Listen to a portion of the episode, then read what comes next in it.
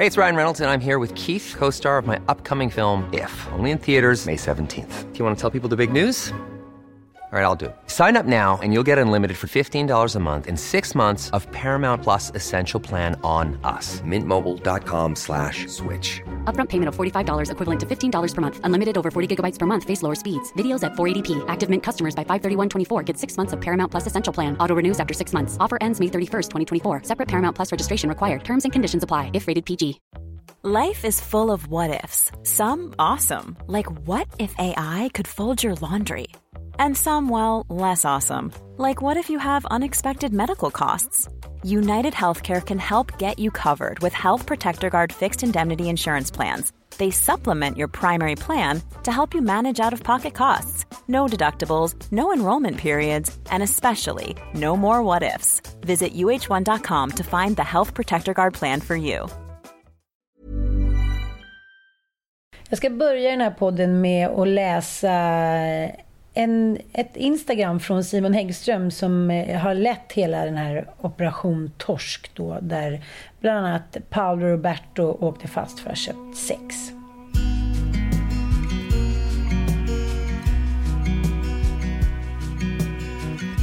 Många tycker nu, precis som vanligt, att polisen borde ha bättre saker för sig än att gripa stackars män som bara vill ha kul och knulla lite grann. Men faktum är att du som köper sex är precis lika skyldig som de människohandlare och hallickar som driver den här kriminella verksamheten. Om inte du funnits så hade de här stackars kvinnorna från Rumänien, Nigeria, Ryssland och Ukraina aldrig förts hit. Just du är medskyldig eftersom varje gång du köper sex så innebär det att människohandlarna kan fortsätta skåla i champagne medan de räknar sina sedelbuntar.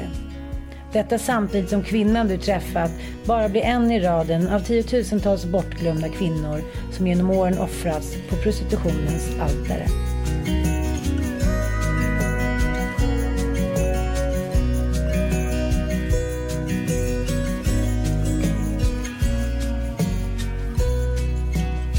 Ni lyssnar på Lille Lördag del 2 eh, av vår specialpodd. Vi kommer alltså inte släppa någon vanlig podd den här veckan för vi fick så otroligt mycket bra material med både Julia och Katarina.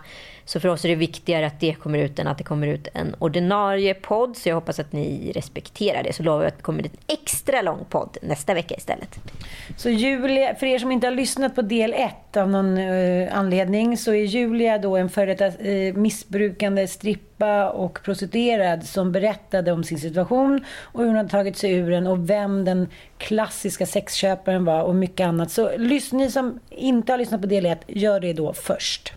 Och nu ska vi snart lyssna på eh, Katarina Wenstam som kommer eh, prata om det brottsliga eh, i det här och attityden mot kvinnor och hur sexköpare också många gånger tänker.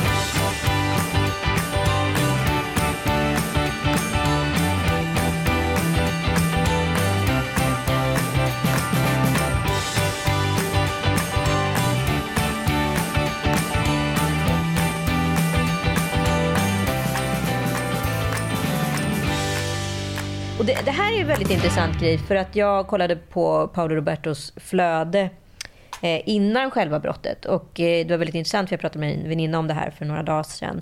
Eh, att han la upp en bild på sin respektive, hur mycket han älskar henne, vilken fantastisk kvinna hon är och så vidare.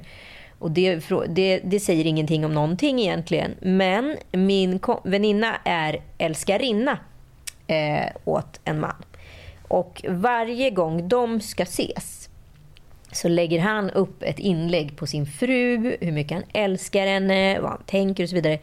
Återigen så ser man de här eh, ansvarsförlusten. Eh, eller vad ska man kalla det? Jag tycker allting alltid handlar om så här, makt, kontrollinnehav eller kontrollförlust. Och det här kontrollerar han då hur mycket han älskar sin fru och alltihopa för att sen rättfärdiga en kontrollförlust. Mm. Men det är också det är de gamla klassiska attributen. Så här, varför har jag köpt blommor för? Har jag varit otrogen? Mm. att det är någonting, det är ett sätt att liksom förminska då det smutsiga man har gjort.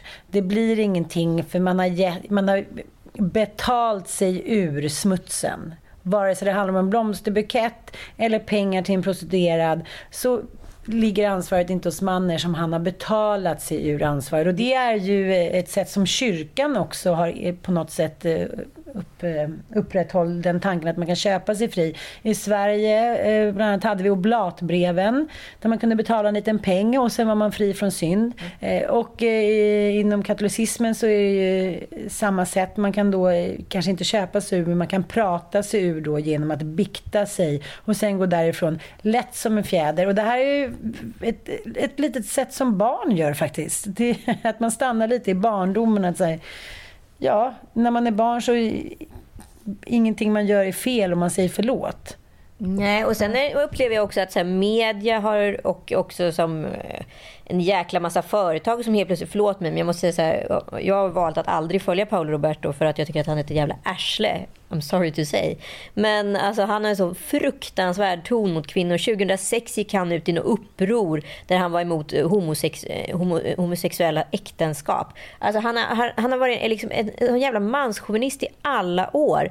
Och att då de här bolagen nu har upptäckt det här efter att han har köpt sex, ja, då ska det liksom helt plötsligt dra sig ur de typen av samarbete. För mig är det bara det är ett sånt jävla hyckleri, säger jag bara. Fy fan, ta ert ansvar. Alltså så här, stötta hans bolag, men skit i honom, inte vet jag. Liksom. Men så här, nu ska man då vinna PR-poäng på det här. Och sen har vi en jäkla massa experter som har gått ut och pratat om att det här hade skötts mycket bättre ifall han hade haft krishanterings-PR, PR-hjälp, haft använt Paul Ronge, den gamle räven, går som vanligt ut och slår näven i bordet och berättar hur Paolo borde ha gjort polera silvermanen och ge sig ut i kampen. Lev GW är också mycket upprörd hur han kunde ha klarat sig och sina företag och allting om han bara hade varit lite mer PR-smart. Jag förstår att han är fullt upptagen med att rulla sig själv i kära och fjäder. Va? Jag vet inte hur pass, eh, i vilken grad av självdestruktion som man har hamnat. Men, men om, om, anta att han kallas i förhör om detta och då säger att jo, jag visste att hon var här för att hon hade då uh, hamnat här med hjälp av människosmugglare. Hon befann sig i en tvångssituation och så vidare och så vidare. Då sitter det klockrent på honom och då får han fängelse. Va? Jag tänker om vi för en gång skulle bara kunna fokusera på att det här är en man, vilken som helst, eh, råkar vara Paolo Roberto, som har gått och tyckt att han kan köpa sig fri från att våldta en kvinna. Det är bara det det handlar om. Ingenting annat, inte hans företag, inte vem han har varit innan, inte familjen hit och dit. Han är liksom en klassisk torsk. Och vad gör vi åt att så många män fantiserar och faktiskt också i verkligheten köper sex? Både i Sverige och utlandet. Det är väl det som är den stora frågan. Ja, och vi kan ju nästan vara tacksamma för att Paolo Roberto gjorde det här. För att helt plötsligt kom det upp ett ämne som eh, borde varit på tapeten exakt alltid. Men ibland göms. Och kanske efter hela metoo-debatten som egentligen handlade om, vad ska vi kalla det för, privilegierade kvinnor som eh, kände att de hade fått nog. Eh, får då kanske den här typen av eh, kvinna som då är tvungen att sälja sin kropp eh, för att finansiera ett missbruk exempelvis. Eh, ja, få ta smällen för the feminazis som man kallas på Flashback och så vidare. Vi ska ta och lyssna på intervjun med Katarina Wenstam. Vi återkommer alldeles strax.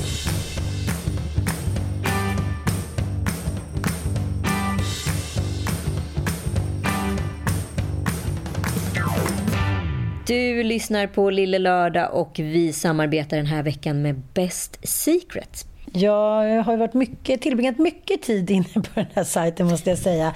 Den är ju som en, vad ska jag säga, en Edens lustgård för någon som inte riktigt hinner, eller kanske är lite för slö för att springa runt i varenda affär. Här har du alltså över 3000 varumärken att välja mellan och som jag väljer. Och hur fin är jag nu inte i mitt lilla fynd med läppar på, stickade fynd med läppar på från Scotch Soda? Hur fin är jag inte? Du är superfin. Lika Tack. fin som jag är i mina vita jeans från Filippa K.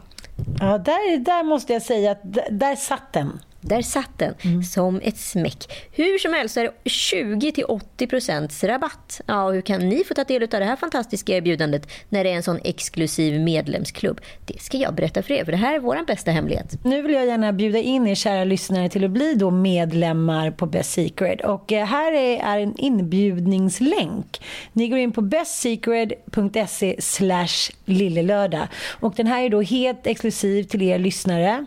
Och eh, det här antalet inbjudna är begränsat. Så först till kvarn, det uttrycket gillar jag. Först till kvarn. Och jag säger så här, den här kvarnen, ni kommer inte ångra er att ni var först till kvarn. För det finns faktiskt så otroligt mycket fina kläder. Och till Stella McCartney, Calvin Klein, J. Lindeberg, Flippa K, you name it. Alltså över tre Du uttalar märken. också varumärke på ett sätt som någon vid Kiviks marknad skulle kunna stå och säga. Det, det, där har jag slutat gå sen jag blev medlem i Best Secret. Tack för att ni lyssnar. Ni kommer inte ångra er. Hej Katarina Wenstam.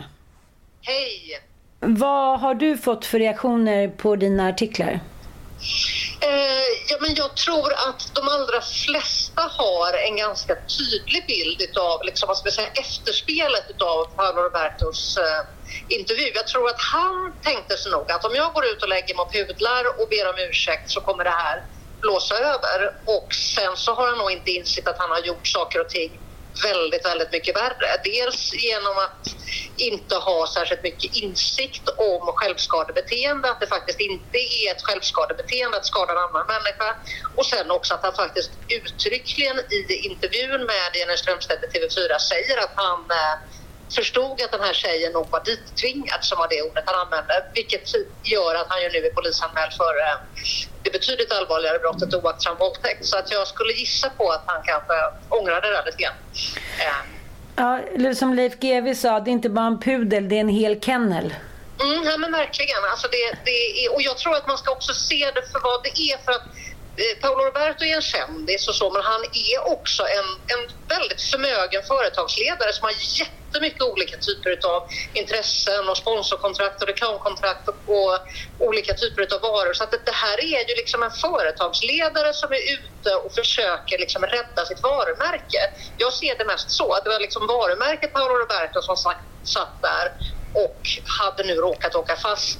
För det tycker jag också att man ska vara väldigt medveten om. Han är ju väldigt, det är väldigt mycket att han pudlar, att han ber om ursäkt för allting. Men ingen ska ju liksom inbilla sig att han, även om han nu då uppenbarligen tycker att det här är jättevidrigt, så tror inte jag personligen att han skulle ha kontaktat TV4 självmant om han hade kommit hem efter det här sexköpet, kommit till insikt om att det här är hemskt att göra, det här ska jag nog berätta om, utan allting bottnar i att han har åkt fast. Mm. Det, det, är liksom, så att man inte glömmer det. Det här handlar inte om en liksom, schysst kille som vill göra upp med ett vidrigt beteende, utan han, det är en, det är en kille som har blivit gripen efter ett vidrigt beteende och då måste han göra vad han kan för att på något sätt göra damage control. Liksom. Så, det är det det handlar om. Men man kan ju ändå förstå hans reaktion, den paniken han hamnar i. Han är ju som eh, de flesta andra män tänker att eh, ja, det här kommer jag ju aldrig åka fast för och om jag gör det så kommer ju ingenting att hända. Eh, varför tänker män så? Är det för att det alltid har varit så eller är det för att de eh, inte riktigt ser, de inte ser på kvinnan som en människa utan bara som ett objekt? Blir det då tilt i huvudet? Ja, men man ska komma ihåg att det, är, det sker väldigt, väldigt många sexköp i Sverige varje år och jag tror att förra året så lagfördes det ungefär 200 män för, för sexköp. Så det är klart att polisens resurser är ju begränsade. Risken att åka fast är ju tämligen liten. Och sen om man inte är jättekänd så är det ju ändå så att om man erkänner på plats så kan man få någonting som då kallas för ett strafföreläggande så att man slipper gå till rättegång. Man erkänner direkt och så får man en motsvarande dom, men det kallas för strafföreläggande. Och då kan det liksom lite grann vara ur världen med en, en, i hans fall till exempel då dagsböter på sammanlagt 25 000 kronor. Och det blir ett dyrare köp den gången, men det är inte så väldigt mycket mer än det. Eh, och det tycker jag, det har jag sett genom åren när det gäller forum på internet, när det är kommunikation mellan sexköpare, att det är någonting de ibland kalkylerar med. Om de slår ut det på tio sexköp så är det inte... Det, det, blir lite dyrare än vad de hade tänkt sig men mycket mer blir det inte liksom egentligen. Nej, men jag var inne på den här eh, bokningssidan som Paolo hittade sin, eh, den här tjejen på. Och jag, mm. jag blev ganska chockad måste jag säga. För jag inser liksom att det är ju samma liksom, program, alltså, det är samma back-office-system som typ Elgiganten har i princip. Liksom. Man, mm. Det är som att köpa en dammsugare. Man får, man får liksom veta vad det är för modell man köper. Man kan läsa lite recensioner. Man ser specifikt, specifika detaljer om den här modellen. Hur, hur liksom stor byst hon har, om hon är helrakad, vilket ursprung hon har, vilken färg och så vidare. Eh, och sen så får man även ja, en recension på henne och sen så bedöms hon då enligt olika kriterier kriterier på färdigheter och så fanns det en prissättning. Jag undrar, när det här liksom då är lite nästan som att boka en, eh, ja, en, en vad ska jag säga, nagelbehandling eller hår, hår eller hantverkare, då, då liksom, gör, gör, försvinner inte brottet lite i det? Det blir som en annan hushållsnära tjänst. Absolut. Men dels, dels sätter du fingret på något väldigt viktigt här som är att det här är ju en enorm marknad. Alltså eh, prostitution, och pornografi och människohandel för sexa, sexuella ändamål det är en av världens absolut största illegala marknader. Och den bygger ju precis som alla marknader på tillgång och efterfrågan. Och där jag menar, vi kan försöka hålla på att hela tiden påminna om att det här är riktiga människor. Det är människor som utnyttjas. Det är kvinnor och män med känslor och som också ofta många, många gånger får uppleva både psykisk och fysisk smärta som är liksom på en nivå som vi knappt kan begripa det. Men för både hallickarna och för de som köper sex så handlar det om varor. Det, det, är, det är liksom tillgång och efterfrågan och där tror jag att man måste våga prata om det faktum att i Sverige så finns det uppenbarligen en väldigt stor efterfrågan för annars så skulle det inte finnas någon som liksom tog sig tid att lägga upp sådana här sajter eller se till att lura hit tjejer eller övertala dem in i den här eh, businessen om man säger som de ser det som. Det, det, den är illegal men det är absolut en marknad. Och sen tycker jag också att du sätter fingret på någonting väldigt viktigt när man paketerar det på det här sättet som en hushållsnära tjänst så det är ju alltid så att man, när det gäller den här typen av övergrepp så kallar man det alltid för någonting som det inte är. Till exempel är det väldigt vanligt att tjejerna, oavsett om de ens kan skriva och läsa eller inte, så, så får de höra att de ska säga till svenska män att de ska använda pengarna till sina studier. För det gör att svenska män som köper sex mår lite bättre. Då känner de att de har varit med och bidragit till hennes studier så kan de inbilla sig själva att det här var i själva verket ett studiebidrag och inte en olaglig handling. Så att det är ju också så att man hela tiden skriver om det på ett sådant sätt så att det ska passa sexköparen. Exakt. Så att det ska liksom kännas mindre smutsigt, mindre äckligt, mindre kriminellt. Liksom så. Vi har även en intervju med Julia här i podden som är för detta liksom online-prostituerad. Eh, och hon säger att det är liksom, det, det, vi, det är liksom, som fastnar i mig det är ju liksom det här betalda samtycket. Mm. Ja men verkligen. Och det, det, och det är också det att det som till exempel har blivit jättevanligt idag är ju också att man pratar om sugar daddy. Att det finns sajter som erbjuder då som de, de kamouflerade som någon slags eh, köpta samtycken mellan en sugar daddy och en, en ung tjej som pluggar. Men det är ju i själva verket prostitution. Och man ska också komma ihåg att, apropå det här jag sa i början med att det också nu har gjort, kommit en polisanmälan mot, mot Paolo Roberto gällande oaktsam våldtäkt. Det är ju så att vi har ju en, en samtyckeslagstiftning när det gäller sexualbrott i Sverige som faktiskt säger att allt sex ska vara frivilligt och är det inte frivilligt så är det våldtäkt. Och det, jag menar att det går inte att köpa ett samtycke och det finns andra debattörer som har använt en väldigt bra parallell där de säger så här, om du har två personer så, är, så bygger det på att den ena vill ha sex och den andra vill inte ha sex. Då finns det prostitution. För om båda två vill ligga med varandra, då finns det ingen anledning att blanda in pengar. Då ligger man ju med varandra. Och vill ingen av de två så kommer det inte överhuvudtaget bli någon sex heller. Men om en vill och en inte vill och det ändå sker ett... Det är, liksom, det, är det som jag tror att man måste komma ihåg att den här tjejen, det är klart att hon inte skulle ligga med Paolo Roberto den här kvällen om hon inte fick betalt. Om hon fick veta så här, nej men du kan, du, du kan få pengarna och gå härifrån. Vill du ändå stanna för sexet? Nej, det är klart hon inte kommer göra. Alltså det, det är liksom det, vi måste se det för vad det är för någonting. Att det är inte eh, någon slags liksom sugar daddy eller någon slags... De här omskrivningarna gör mig tokig måste jag säga. Ja, men lite mig med. Men sen så fick jag, jag har haft ganska mycket intressanta diskussioner med män just på eh, direktmeddelande på Instagram varav en kille, Emil, tycker ju liksom att det inte är någon skillnad på bilder som jag lägger ut när jag tar en selfie och den här tjejen har lagt upp på sig själv. Eh, och tycker liksom att hon får ju betalt. Det får ju inte du. Alltså, ja, när du hade, har baddräkt och vill sälja en vara. När jag vill sälja en vara och har baddräkt på mig. Eh, då var inte det någon skillnad på vad hon gör. Men hon får betalt för det som jag egentligen vill. Och börjar det bli snett där. Då blir det ju ganska, ganska jag, snett. Jag, jag, tror att det är så att har man en, en pissig kvinnosyn och någonstans tycker att en kvinnokropp kan vara till salu och inte riktigt bottnar i vad beror, vad, vad beror det på att jag tycker att det ska vara okej okay att köpa sex på det sättet? Så det är klart att då kan man alltid komma med den här typen av liksom argument kring att människor är till salu på olika sätt och sådär. Men det, det är ju det jag tror att man ska liksom gå tillbaka till för att också framförallt påminna sexköparna om. Det är så här, du ska inte tro att hon skulle liksom ha erbjudit dig det här sexet om det inte hade varit så att du betalade henne. Det, det är liksom det som är hela grejen. Du vill, hon vill inte. Du övertalar henne genom att ge henne pengar. Hon behöver pengar och då blir det en transaktion. Det är, och det tycker jag är också väldigt viktigt att påminna dem om utifrån, är det så du vill är det så du vill ha sex liksom, på det sättet? Eller vill du ha sex med en person som verkligen vill ligga med dig? Eh, det är där jag tycker att vi måste, det, det gäller ju hela liksom, samtyckesdebatten också när det gäller synen på tjejer som man förgriper sig på när de har däckat på en fest eller sådär. Där det är så här, ja men varför vill du ha sex med en tjej som bara ligger där?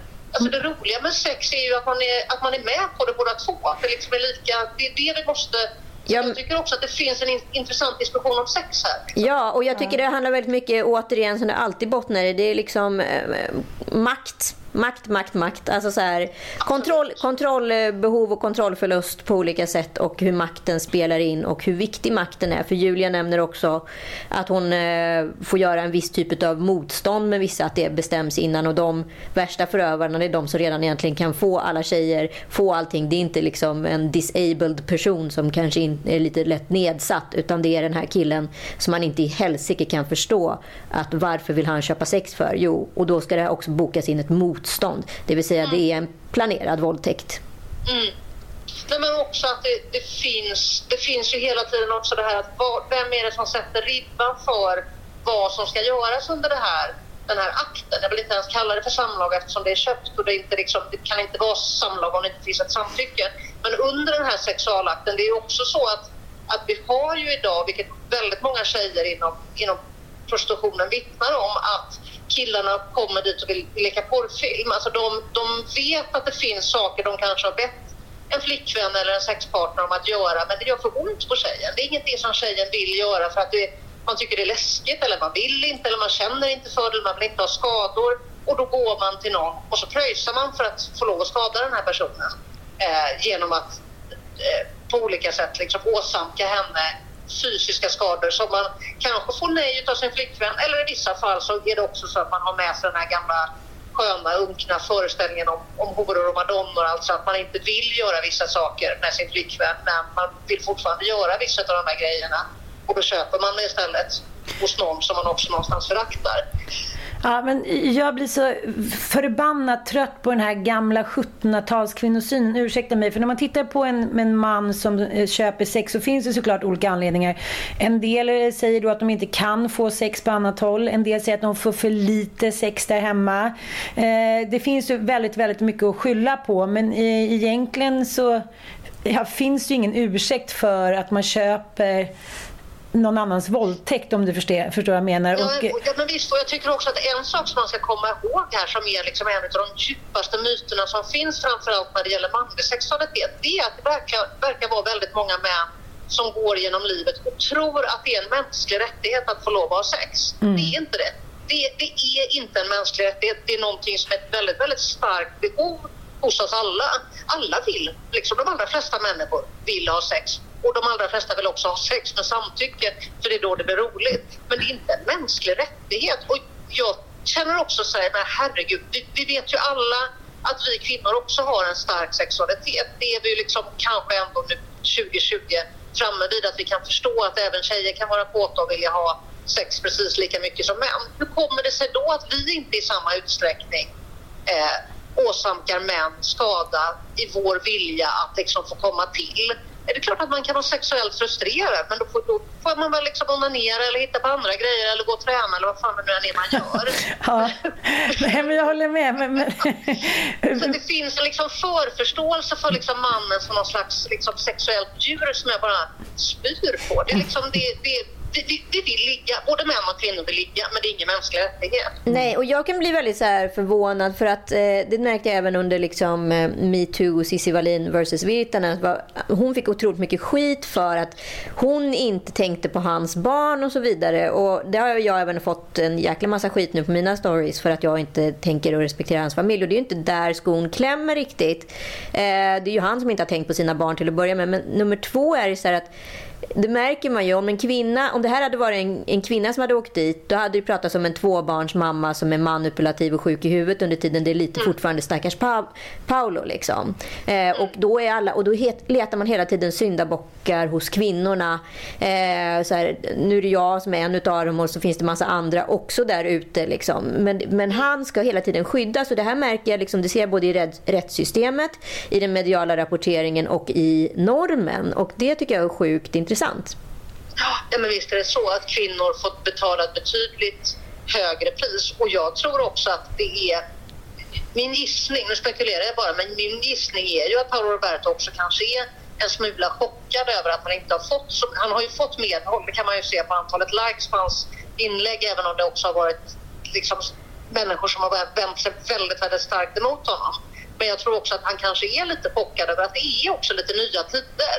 Det är inte så att folk vill koppla samman med en människa med den här kvinnosynen. Sen kan jag tycka att det finns ett inslag av hyckleri kring just Paolo Roberto och alla de som har samarbetat med honom fram till i fredags. För jag menar att den här killen har sunkig kvinnosyn, det är ju ingen överraskning. Nej, verkligen liksom, inte. Så fort han har öppnat munnen så har han liksom hånat jämställdhet, hånat män som vill ha en, en liksom, diskussion kring destruktiva mansnormer. Han har hånat feminister i synnerhet och specifika kvinnor. Så att det liksom är så här, ja men det har ni ju uppenbarligen tyckt varit okej. Okay, men nu var han åkt fast för ett brott som är en väldigt tydlig effekt utav att man har en dålig kvinnosyn. För mm. ingen ska ju inbilla sig att man, man hamnar ju inte där han gjorde i, i torsdags med en bra kvinnosyn.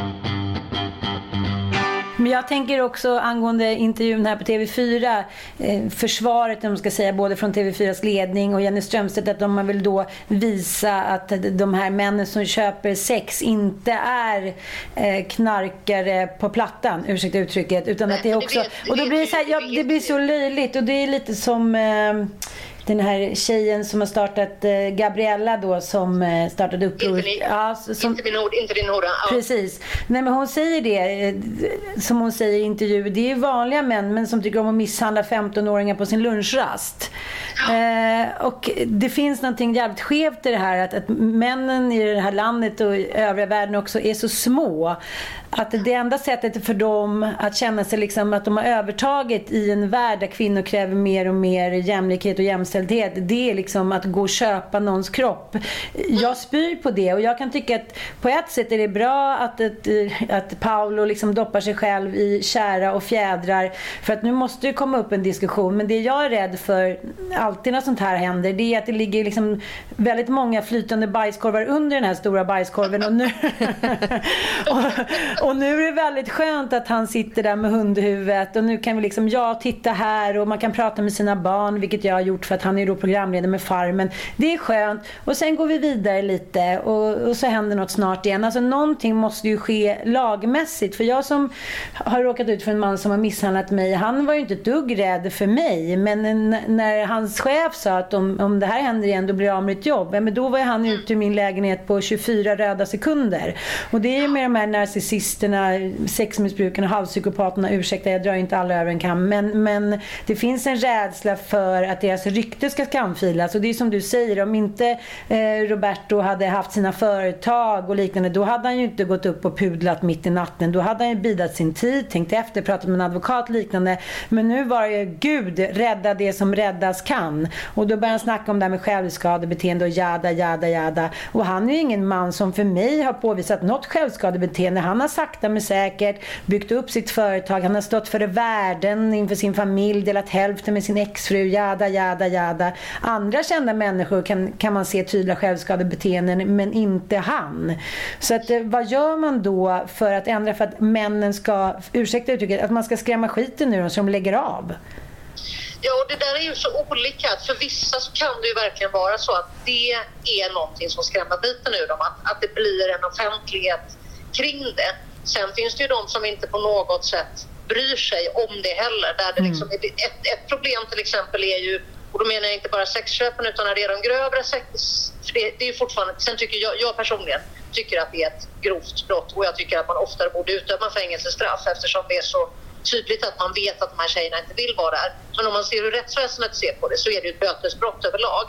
Men när det gäller också de männen som då döms till fängelse till exempel för kvinnomisshandel eller för, för eh, sexuella övergrepp som våldtäkt och så. Det är ju också fullt möjligt att i en svensk ett svenskt fängelse idag sitta av hela din tid och vägra gå på alla former utav liksom, samtal som har att göra med att göra upp med sin aggressivitet, att göra upp med sin kvinnosyn, att komma ut som en mindre farlig man. Jättemånga är minst lika farliga, eller kanske ännu farligare när de väl kommer ut. För att vi har inte liksom rätt typer av liksom incitament att få dem att verkligen ta del av. Det finns ju liksom behandlingsformer, men det finns också tecken på att de här behandlingsformerna inte hjälper särskilt mycket, vilket också är djupt, djupt deprimerande. Så det, det är jäkla många olika aspekter på det här. Men jag tror att vi liksom måste någon gång tillbaka till kärnan som ändå är så här, ja men vad är det som gör att också i ett jämställt land där vi har pratat så mycket om de här frågorna i 10-20 år så är det fortfarande så att de poliser som slog till förra veckan och som, som ju jobbar med de här frågorna hela tiden jag pratar med dem ofta och de säger så här att vi, vi griper yngre och yngre killar. Det är oftare idag som de är under 20 år.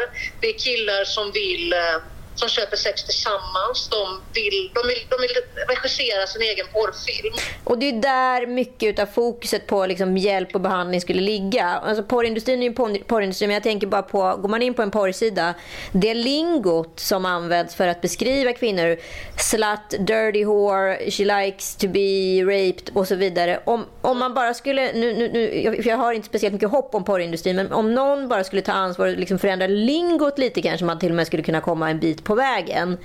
Men man ska komma ihåg att det är en del utav, det är inte bara det att det är ett lingo för att de vill, utan det är ett lingo för att det är det som också konsumenterna vill ha. Mm. Alltså när det, är, när det finns klipp som, som filmer som innehåller tvång, som innehåller tjejer som bryter ihop, som skadas, som svimmar under övergreppet då är det, det är inte liksom som att det är 15 personer som har tittat på det utan det kanske är 150 000 mm. och 78 procent av dem har gjort tumme upp. Eh, så att det liksom, man ska också komma, ja. vilket ju också är bisarrt att man har den här like-funktionen vilket är bara i sig självt. Om du tänker att du är 14 år och surfar in och hittar en sån film och så känner du någonstans att egentligen kanske det här är fel. Man ska väl inte skada en tjej på det här sättet. Men samtidigt så är den ändå gjord på ett sånt sätt så att du blir sexuellt upphetsad för att porren funkar ju så på oss. Liksom. Och så samtidigt så kan du också se att 78 procent av de som har tittat på det här innan mig, flera hundratusen personer, de tycker att det här är tumme upp. De tycker att det här är okej. Okay. Och vad det gör med normerna, vad det gör med liksom hur man flyttar fram positionerna hos en ung kille som liksom det blir sexlektionen snarare än någon slags bara vanligt tonårsfummelsex och, och att vi vuxna är där och liksom åtminstone, sen vet vi ju alla hur svårt det är att prata sex med sina tonåringar. Min, min son bara himlar med ögonen och säger Gud, inte nu igen, ja lägg av. Jag kämpar det... också på. I get five.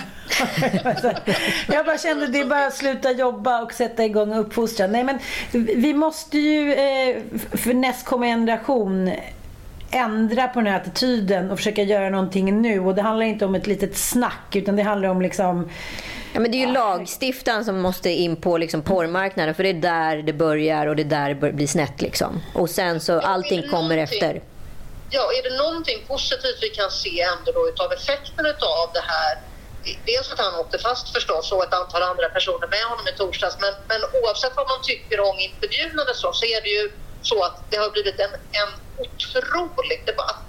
Eh, det är ju inslag som också har följt efter det på grund av kanske av också kritiken att han fick sitta där och snyfta ut. Så, så fanns det också, har det också varit väldigt mycket intervjuer med kvinnor som har lämnat prostitutionen, med de organisationer som jobbar med det här och liksom, jag tror att de poliser som hela tiden kämpar för att få resurser till att fortsätta arbeta mot det här har förhoppningsvis också fått sig en skjuts den här eh, senaste helgen med att det är väldigt många som tycker att de gör ett bra jobb. Eh, så att någonting positivt kanske det ändå kommer ut utav liksom någonting i grunden så negativt. Ja, så kontentan är ändå liksom att TV4 borde gjort en programledarinventering utav sitt programledarskafferi efter metoo. Eh, och ICA kanske borde stötta vad heter det, den här typen av verksamhet snarare än att uh, hänga Paolo, eller? Menar att man borde kanske också liksom våga stå för liksom, vad vill du ha för värdegrund oavsett om en person har åkt fast eller inte, om man tycker att det, det är så här att faktiskt ta de här diskussionerna även innan någon blir gripen. Eh, så att man liksom, för det handlar ju om att förebygga då också. Ja. En sista fråga då, som mm. såklart många ställer sig och som man alltid ställer sig när män som har allt vackra barn, flickfin fru, flickvän, toppjobb, älskad av den stora massan. Varför gjorde Paolo Roberto det här? Oj, det är svårt att svara på. Jag vill, jag vill av olika anledningar inte krypa in i hans huvud om vi säger så. Nej, jag fattar. Eh. men, du får göra en generalisering, Katarina. Ja, nej, men, nej, men det som jag slag, har slagit av när jag har jobbat med de här rättegångarna genom åren och även gjort intervjuer med, med andra sexköpare, det är deras enorma riskbeteende. Att de många gånger tar otroligt stora risker, men de vet att åker jag fast nu så kommer jag förlora allt och att det också är en del utav kittlingen i det. Ja, för det får man ju intrycket av med hans eh, inlägg dagen efter där. Mm. Ja, att det, jag tror att det är en del utav liksom, eh, det förbjudna och att det är ett sånt risktagande. Och det, det är ju också så att väldigt många män som köper sex har inte kontroll över sitt beteende. Och det säger inte jag för att ursäkta dem och stackars dem och sådär. Men det är klart att det är det finns väldigt tydliga tecken på missbruk hos en del utav, utav de männen som jag har sett i andra rättegångar där det är bortom deras kontroll. Och det finns också hjälp att få. Det finns en del sexköpare som faktiskt med hjälp av polisen i samband med att de blir gripna slussas vidare till bland annat KAST finns det en, en eh, organisation i, i, olika delar av landet som just eh, arbetar för att då, även om jag kan förstå att vissa tycker att ordet känns stötande, men för att hjälpa sexköpare utifrån att få, få dem att sluta. För mm. det är ju ändå någonstans, tycker jag, någonting positivt att det ändå finns den möjligheten. Men vi skulle behöva nå fler för att det här är ju... Tycker man att det menar man allvar med att man tycker att det är vidrigt som då Paolo själv sa i den här intervjun, då är det ju någonting som man kanske verkligen ska ta tag i. Eh, vad bottnar det här i? Varifrån finns den här kvinnosynen och så vidare? Och det är, så här, det är klart att man kan ha ett självskadebeteende. Alltså så här, det, det, det ifrågasätter inte jag att han, och att han har varit har haft en tuff barndom. Men man ska inte blanda ihop det med att ha en sunkig kvinnosyn. Det är inte, det är liksom, det är inte samma sak. Nej, och det finns ju väldigt många kvinnor som har haft tuff barndom, eh, bland annat jag. Och jag vet inte om jag någonsin skulle få för mig att gå ut och köpa en prostituerad för det. det så jag tycker att de här omskrivningarna inte gäller att det var därför du gjorde det, stackars mig. förlåt. Det hade inte funkat. Nej, förlåt. Ja, Men nej. Det, nej, det är det som är liksom, det är olika, olika arenor för män och kvinnor. Det är ganska tydligt. Tack snälla Katarina mm. för att du var med oss. För att ni ställer frågorna. Ja, tack. Vi, vi syns och hörs. Ja, det gör vi. Ja, ha det bra. Hej. Hej, hej. hej.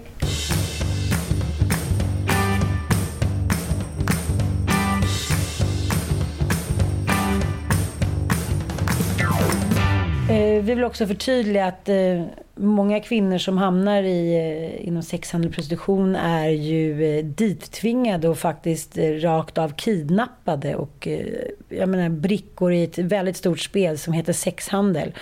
Och det känns ju inte så jättehoppfullt när vi pratar om det att Katarina säger att det är väldigt svårt att förändra det här beteendet för att dels finns det inte så många behandlingsmetoder och dels vill inte männen. De vill inte bara. För de har inget ansvar för det här. De kan fortsätta så här forever and ever. Och det säger också poliserna som jobbar med just med den här typen av frågor att ja, de kan ha tagit samma man 12 gånger under ett år. De får strafföreläggande, de betalar sina 2000 kronor. Nu blev det ju dyrare för Paolo som det baseras på inkomst så att han fick betala 25 000 kronor. Men de tycker att det är värt det för att kunna fortsätta att köpa sex. Jag ska bara läsa lite citat här från Simon Häggström som är då polisen som står bakom operation Torsk tillsammans med sin styrka. Han är specialiserad på prostitution och människohandel eh, för sexuella ändamål.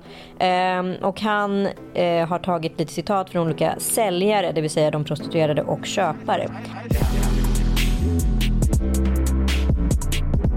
Jag måste sälja sex för att bekosta min pappas hjärtoperation. Eh, jag är fast i heroin och i desperat behov av pengar för att inte duka under. Om jag inte säljer sex så kommer mina barn att svälta. Eh, jag blev lovad ett vanligt jobb i Europa men när jag kom hit så tvingades jag gå på gatan istället. Eh, det är många utav orsakerna. Köparna säger Jag älskar sex. Det är skönt med lite omväxling ibland. Jag vet inte riktigt, det bara blev så. Fast jag är ju trots allt man och har behov som alla andra. Det är så jäkla enkelt och man är ju garanterad sex. Jag var bara kåt. Det här är någonting som jag tycker att Katarina eh, Wenstam sätter fingret på. Just det, jag var bara kåt. Att år 2020 så kanske det liksom inte har undkommit någon att kvinnor också är kåta och vill knulla men faktiskt inte tänker att det är någonting som människan på något sätt är berättigad att få ligga med någon när de så önskar. Och eh, det finns ju andra sätt, så här, onanera, gå och träna, gör någonting annat av din frustration. Det är så vi kvinnor tänker och det är så män också måste tänka att det är ingen rättighet att få sex när man vill ha sex. Och jag tror att det, det är också ett, det är en, som de kanske liksom säger då, att det är en liten enkel utväg. Att det är jobbigt med relationer, det är jobbigt att ha krav på sig, det är jobbigt med känslor och att leverera. Och det är någonting som män verkar ha jävligt svårt för att så här, steppa upp och leverera på ett jämställt och jämlikt sätt. Det är jobbigt. Men diskussionen är här att det måste, så här, ett så måste man se över liksom möjliggörandet av det här på e-handelsplattformarna som gör det otroligt lätt för folk och kanske ta bort de här filtren också på vad som är okej och inte. Nummer två är att se över hela porrindustrin. Alltså så här, ska verkligen unga människor kunna kliva in i den här världen utan bank-id, utan någonting? Ska det bara vara en access rakt in? Eller kan vi göra någonting redan från skolåldern? Hur man kommunicerar med pojkar runt ansvar, hur man kommunicerar sex, varför finns fortfarande horan och madonnan-diskussionen 2020? Jag har faktiskt ingen aning. Och jag hoppas att ni som har lyssnat på den här podden engagerar er i de här frågorna och kommer med kloka förslag så vi kan påverka lagstiftarna att faktiskt se över och förändra någonting. Tack för att ni lyssnar. Eh, debatten fortsätter såklart. Nu har ni lyssnat på Lille Lördag och vill ni eh, förkovra er ännu mer i Paolo Gate så har även jag och Sanna Lundell gjort en vinkel av detta stora fenomen män som köper sex. Är de ett offer? Ratta in inte din morsa, mig och Sanna.